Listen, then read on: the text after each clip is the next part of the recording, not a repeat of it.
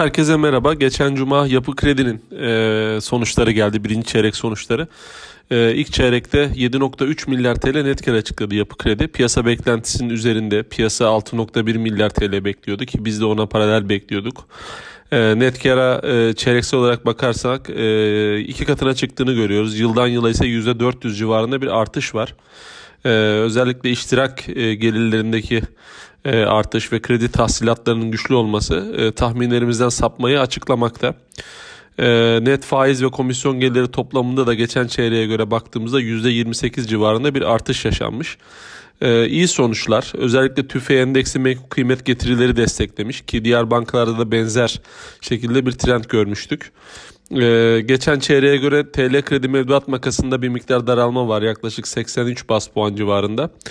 Ee, ama e, net faiz marjı e, bir puan açılmış e, menkul kıymet getirileri sayesinde. Sonuçları sınırlı olumlu olarak değerlendirdik ve bu sonuçlar ışığında e, beklentilerimizi revize ettik. 2022 yılında %104 yani e, karın bir önceki yıla göre iki katına çıkmasını bekliyoruz.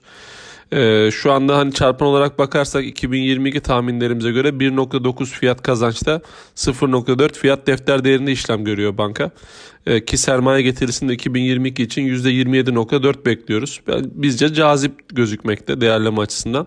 Hedef fiyatımızı 6 lira 64 kuruşa revize ettik. Daha önceki 5 lira 61 kuruştu. En, hisse içinde tavsiyemizi endeks üzeri, üzeri getiri olarak e, korumaktayız.